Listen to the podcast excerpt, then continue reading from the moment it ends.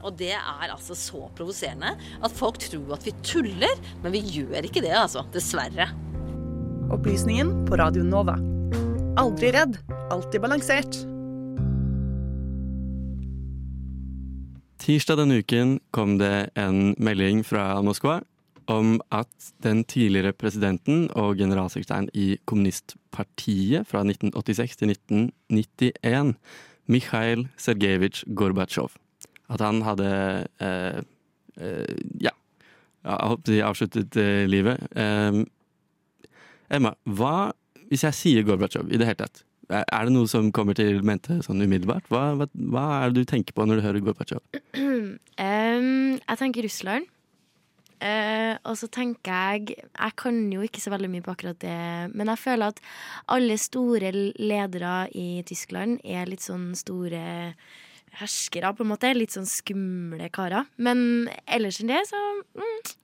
Ja, for det, det, er jo veldig interessant det du sier, for det er jo kanskje den ene, den ene unntaket fra denne litt sånn macho eh, mm. ledelseskulturen.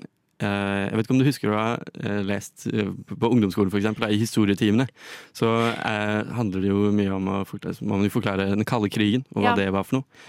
Det sies jo da at Gorbatsjov hadde en stor rolle i å få slutt på denne kalde krigen. Det er da litt u jeg håper jeg kalle det uortodokst for en russisk ja. leder. Og, eh, rett og slett eh, måtte rulle tilbake litt da, på mm. denne maktprosjiseringen osv. Så, så jeg har rett og slett eh, laget en liten eh, nekrolog til eh, Mikhail Sergejevitsj eh, Gorbatsjov. Skal høre at det er eh, positive og negative aspekter med denne mannen, som, som med veldig mange andre. Jeg tror vi kjører sak.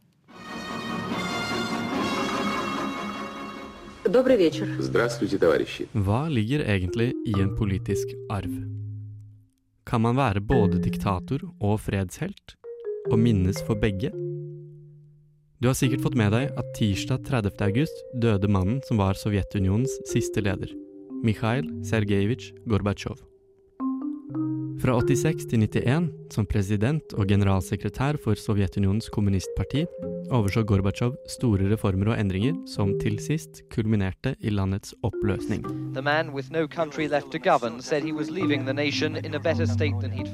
I Vesten er Gorbatsjov blitt synonymt med en nostalgisk optimisme.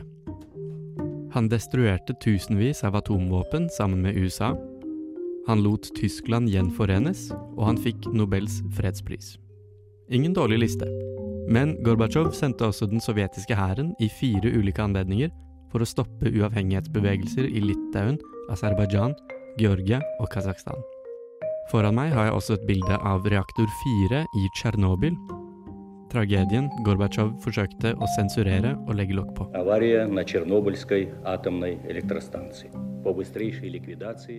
Denne uken har medier over hele verden publisert utallige kronikker og nekrologer over hans liv og virke. Det reflekteres selvfølgelig så mye om den kalde krigen. Mr. Gorbachev, tear down this wall. Men i 2022 får det hele en ny dimensjon, med Russlands pågående invasjon av Ukraina. Den kalde krigen er altså over, og en varm krig på det europeiske kontinentet har erstattet den. De tidligere presidentene Gorbatsjov og Jeltsin er begge døde, og Putin griper stadig hardere om makten i Kreml. Mens blodige slag utspiller seg i Kherson, Donbas og Kharkiv, forsøker særlig vestlige nekrologer å gjøre opp for et stort psykologisk behov. En positivt definert nostalgi og mimring tilbake til en veldig annen tid. Men Europa puster med to lunger. De siste 30 årene har jevnet forskjellene mellom det gamle øst og det gamle vest. Landene bak det tidligere jernteppet er i hovedsak EU-medlemmer, med dramatisk økt levestandard og politiske friheter utenkelige under kommunismen. Særlig i Baltikum er det mildt sagt blandede følelser om Gorbatsjovs ettermæle. I Litauens hovedstad Vilnius mistet 14 mennesker livet, og minst 1000 ble skadet i januarhendelsene 1991.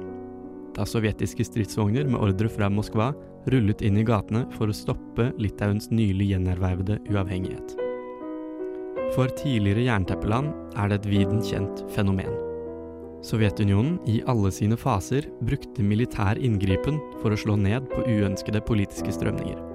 Ofte land som ønsket selvstendighet. Ungarn, Tsjekkia, Slovakia, Litauen, Moldova, Aserbajdsjan, Georgia, Kasakhstan, for å nevne noen. Dette er utvilsomt en del av vår felles europeiske historie. Enten det utføres av Gorbatsjov, Stalin, Khrusjtsjov eller hvem det måtte være.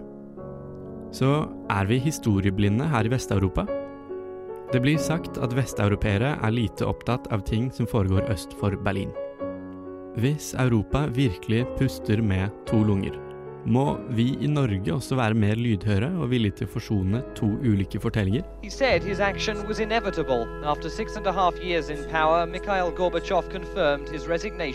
Power.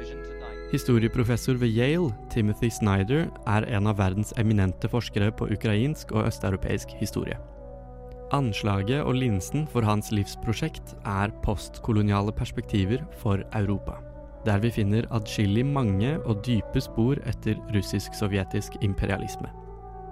Folk i Vesten gjør kanskje ikke umiddelbart koblingen, der konklusjonen blir ukomfortabel med Gorbatsjov som enda en vektor for Kremls imperiebygging. Roger Cohens kronikkoverskrift i The New York Times røper mye om en ny, moderne tolkning. The West's illusions about Gorbachev and the victory of liberalism. Men i god stil skal en nekrolog gjerne ende i refleksjon. Gorbatsjov får gjerne ære for å ha vært mild. På sett og vis vil han huskes for hva han i hovedsak ikke gjorde. At han valgte reform over maskingevær og gulag. Reporter i denne saken, det var meg, Benjamin Ortme. Du skal få høre en fantastisk låt. Du skal få